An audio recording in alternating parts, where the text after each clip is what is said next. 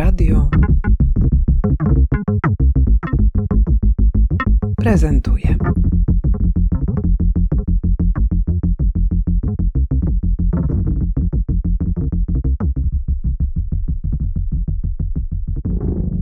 Jerzy Łądka, Wydział Architektury Politechniki Wrocławskiej, architektura.eu.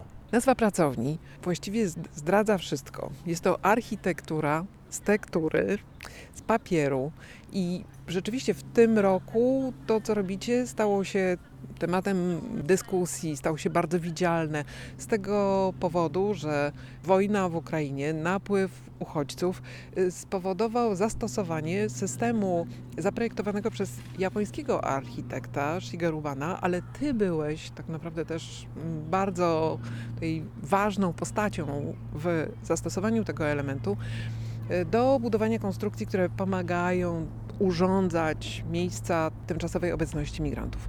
No i nagle się okazało, że to jest bardzo ciekawy materiał, że można, że to nie tylko jest temat do eksperymentu, ale także do faktycznego działania. Jak z Twojej perspektywy, osoby, która przez wiele lat zajmuje się tym materiałem, zajmuje się tekturą, jak dzisiaj wyglądają reakcje na projekty, które Wy realizujecie? Muszę powiedzieć, że od, od, też od jeszcze wie, wie, większej ilości lat e, czy dłuższego czasu przyglądam się temu, co robi Shigeru Bani. To była jedna z moich takich większych inspiracji jeszcze w czasie studiów. To w zasadzie było takie kliknięcie, kiedy, kiedy zobaczyłem jego, jego projekty.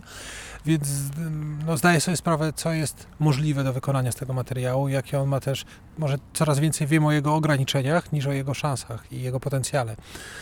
E, Natomiast biorąc pod uwagę to, w, jaki, w którym kierunku to idzie i teraz rzeczywiście no, ta, ta, ta dramatyczna sytuacja wskazała niejako, że ten materiał jest dostępny, tani, stosunkowo tani, który i, i- może być zastosowany jako różnego rodzaju tymczasowe rozwiązania. Niemniej wydaje mi się, że poszukiwania w tym kierunku materiałów, które można podać przetworzeniu, które można w jakiś sposób, no właśnie, niekoniecznie landfillować, jeżeli tak mogę powiedzieć, tylko, tylko, tylko wykorzystać, e, upcyclingować czy, czy, czy recyklingować, no to papier się wpisuje w ten, w ten nurt i też patrząc na takie już przemysłowe zastosowanie tego materiału, czy to w meblarstwie, czy w budownictwie, czy w postaci chociażby izolacji termicznej wykonanej z celulozy, to są już przemysłowe rozwiązania, które są wprowadzone na rynek w którą to pójdzie stronę, no rzeczywiście materiał wzbudza y, obawy i to jest całkowicie zrozumiałe, bo ma swoje, swoje słabe strony, czy swoje, że tak powiem, ryzykowne część taką. Łatwopalność, Tak. tak. wrażliwość na wilgoć. Y, Wszystkie te czynniki, które zmieniają parametry, bądź też no, powodują, że on jest krótkotrwały. Tak, tak, tak, tak, dokładnie, dokładnie. Myślę, że znowu patrząc na jakąś dłuższą perspektywę, to samo się mówiło jeszcze niedawno o drewnie i do dzisiaj nasze przepisy w ogóle nie są dostosowane do takich, do, nazwijmy to do standardów europejskich, tak? My nie możemy wybudować wyżej niż 25 metrów z elementów drewnianych.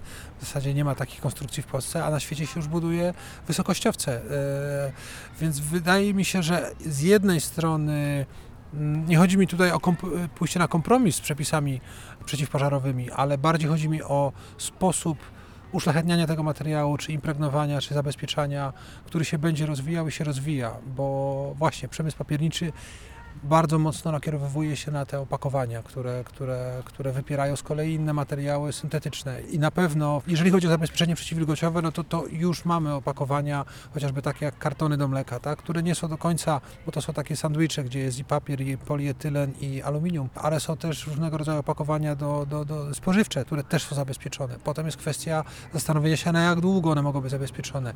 No i tutaj oczywiście też jest pytanie, na jak długo my potrzebujemy coś zbudować. Czy to powinno być na 100 lat, czy to być może powinno być na 20 albo 10 lat naszego życia, gdzie potem te potrzeby przestrzenne się zmieniają. No właśnie, tektura i papier pojawiają się przy okazji tematu jednak architektury tymczasowej. Architektury, która bardzo szybko reaguje na kryzys, na jakieś nagłe potrzeby. Ale Twoja prezentacja, bo spotykamy się w czasie Święta Architektury, wydarzenia y, organizowanego przez Warszawski SARP, w czasie swojej prezentacji pokazałeś bardzo wiele różnych zastosowań tego materiału. I powiedz proszę, właśnie, czy, co to właściwie dzisiaj jest? Czy to tylko i wyłącznie to czasowo ograniczone przydatność do użytku tak, tego materiału warunkuje funkcję, czy też właśnie tak jak wasze eksperymenty, próbuje to rozciągnąć na inne pola użytkowania. No, kilka przykładów, które dzisiaj pokazywałem, czyli przede wszystkim e, budynek letniskowy Shigerubana, który zbudowany został w 1995 roku. On dostał pozwolenie jako budynek permanentny, jako budynek taki na stałe związany z gruntem, czyli w pełni prawny obiekt budowlany.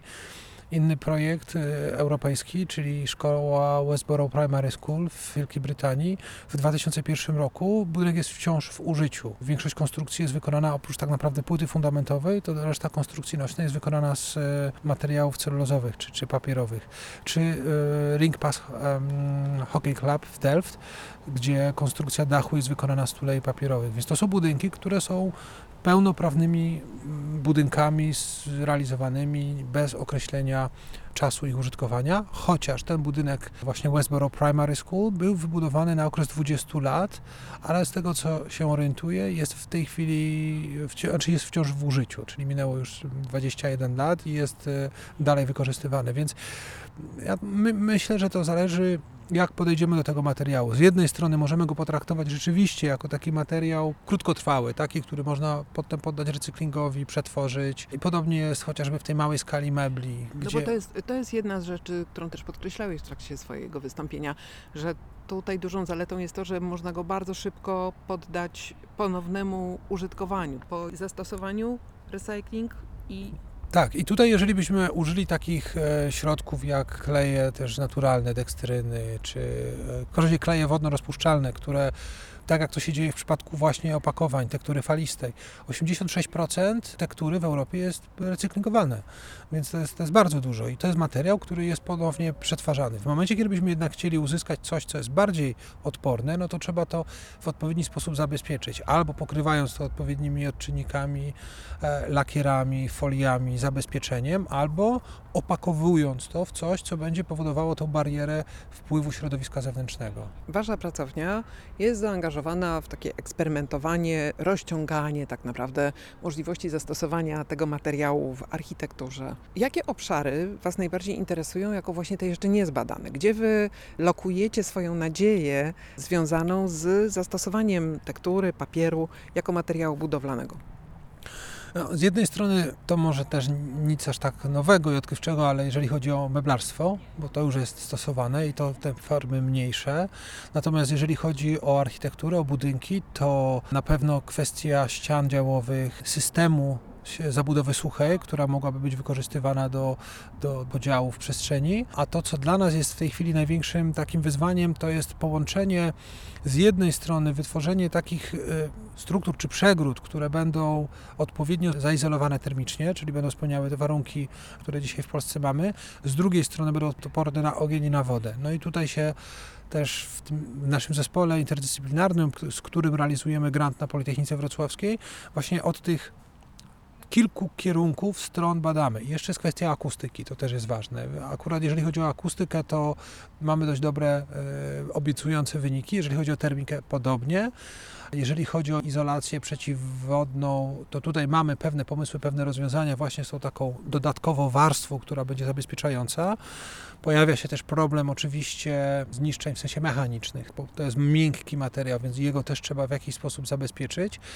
Kwestia wytrzymałości, nośności, to akurat można rozwiązać doborem odpowiednich przekrojów elementów. Czy to będą tuleje, czy one będą, czy to będą, czy będzie tektura lita, czy to będą jakieś elementy wzmacniane.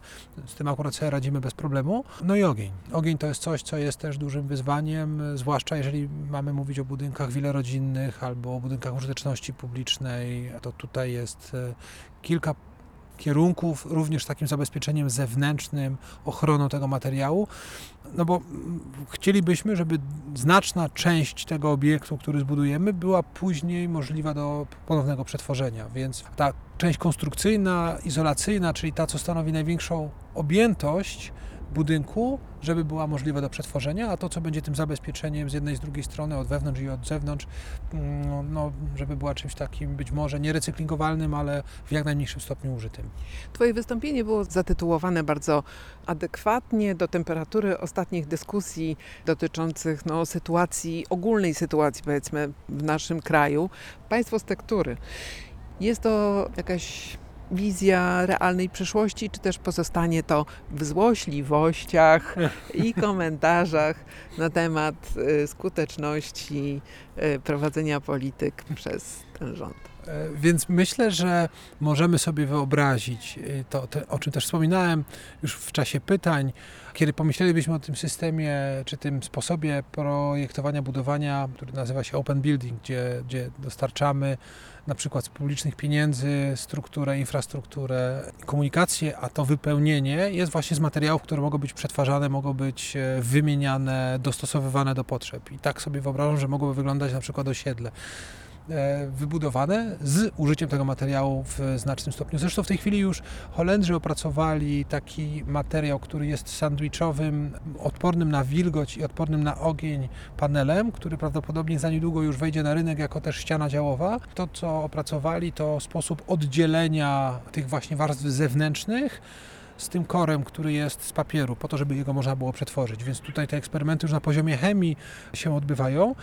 No i to jest jeden kierunek. Z drugiej strony, znowu wracając trochę do tej architektury pomocowej, no to mogę sobie wyobrazić osiedle domów z papieru, które jest takim osiedlem e, pomocowym, tymczasowym, takim może nie na zawsze. Ale możemy sobie też wyobrazić dom, który budujemy jako pewnego rodzaju formę, która następnie jest pokrywana jak, jakimś innym materiałem, czy to byłby beton, czy to byłyby jakieś tworzywa, czy biotworzywa, które go będą wzmacniać i w jakiś sposób usztywniać, e, no właśnie umacniać i- i powodować, że ten materiał już nie będzie, nie będziemy myśleć o tym budynku jako o budynku na kilka, kilkanaście miesięcy, tylko na kilkanaście lat albo kilkadziesiąt lat. No to na koniec taki temat, który wydaje się być najbardziej aktualny, to jest ta przyszłość, która rysuje się w świetle nakładających się na siebie kryzysów, biorących się z kwestii klimatycznych, wykorzystania paliw kopalnych, kryzys energetyczny, żywnościowy, wszystko to, co dzisiaj tak bardzo dyskutujemy w konsekwencji niejako konfliktu zbrojnego, który jest po sąsiedzku, ale też jakiejś globalnej sytuacji światowej. I moje pytanie dotyczy komfortu. Czy ta kategoria Cię interesuje, czy Was interesuje przy Waszych działaniach, eksperymentach, pracach badawczych dotyczących zastosowania materiału, jakim jest tektura w architekturze? Tak, tak, to myślę, że to nawet jest gdzieś punkt wyjścia, bo e, to, co skłoniło nas na samym początku do pomyślenia o zastosowaniu tego materiału w kontekście architektury pomocowej, no to był właśnie komfort termiczny, ale też komfort, można mówić o komforcie fizycznym i psychicznym, jeżeli to mogę tak bardzo uprościć, tak? Z jednej strony komfort psychiczny, który polega na tym, że mamy pewnego rodzaju prywatność, jesteśmy oddzieleni. Teraz patrząc na no, konieczne rozwiązania, jakimi są namioty, tam nie ma w zasadzie żadnej prywatności, tam nie ma żadnego komfortu termicznego. Ci ludzie sobie to, jak się popatrzy na te zdjęcia z obozów, okrywają jakimiś kocami, jakimiś dywanami, dogrzewają sobie jakimiś kozami w środku. E, Natomiast nam chodziło o to, żeby dać, e, czy stworzyć taką przestrzeń, która będzie komfortowa pod tym względem, że będzie utrzymywała jakąś temperaturę w jedną albo w drugą stronę, czyli odpowiednio temperaturę wysoką albo odpowiednio temperaturę niską. E, A właśnie z drugiej strony będzie dawała ten komfort e, psychiczny, czyli to poczucie prywatności, schowania się. To, co było może tak brzmi dramatycznie, ale wydaje mi się, że to było bardzo, bardzo piękne podsumowanie samego projektu Shigeru Bana, tego Paper Partition System, który powstał w Polsce. Yy, Napisała do mnie Katarzyna Roy z BWA we Wrocławiu, gdzie powstawał ten projekt i napisała mi, że wiesz ten system działa, bo ci ludzie zaczynają tam wchodzić i płakać, co oznacza, że oni prawdopodobnie przez całą drogę gdzieś tam ze swoich miejsc, gdzie, gdzie, gdzie zdarzyła się tragedia, skąd uciekali, trzymali się w napięciu pewnym, a tam, kiedy poczuli, że są w jakimś odizolowaniu, w jakiejś prywatności, mogli puścić te nerwy, rozluźnić się, a to z kolei się przekłada bezpośrednio na zdrowie, no, na zdrowie po prostu, tak, że, bo przecież to jest cała psychosomatyka, która jest połączona połączeniem naczyń, tak, i, i więc wydaje mi się, że, znaczy nie wydaje mi się, komfort był punktem wyjścia, tak naprawdę i to była jedna z pierwszych rzeczy, o których myśleliśmy, mówiąc o zastosowaniu papieru jako materiału e, do architektury pomocowej, właśnie po to, żeby dać lepsze warunki niż te, które. To miał być tak naprawdę zamiennik tego, co w tej chwili jest stosowane. Chociaż oczywiście oboje wiemy, że jest to taki komfort w tych niskich stanach, niski stan komfortu. Tak? Maksy, maksymalna doza komfortu w tym minimum, które jest efektem kryzysu czy jakiejś nagłej potrzeby. Tak? I wtedy jest to tym bardziej potrzebne, bo to jest właśnie ten moment, kiedy, kiedy, kiedy te wszystkie bodźce zewnętrzne są, wydaje mi się, że człowiek jest jeszcze bardziej jakby uwrażliwiony na to i, i, i w ten sposób można też wspierać wręcz tak fizycznie te osoby, które są w, w jakiejś, w, podczas przeżyć traumatycznych. Bardzo dziękuję Ci za rozmowę i życzę Ci udanych eksperymentów i jakichś znakomitych realizacji. Super byłoby zobaczyć, jak to działa w praktyce. Bardzo dziękuję. No, mam nadzieję, że będziemy za jakiś czas się mogli pochwalić naszą kolejną konstrukcją. Pracujemy nad tym, także, także bardzo dziękuję.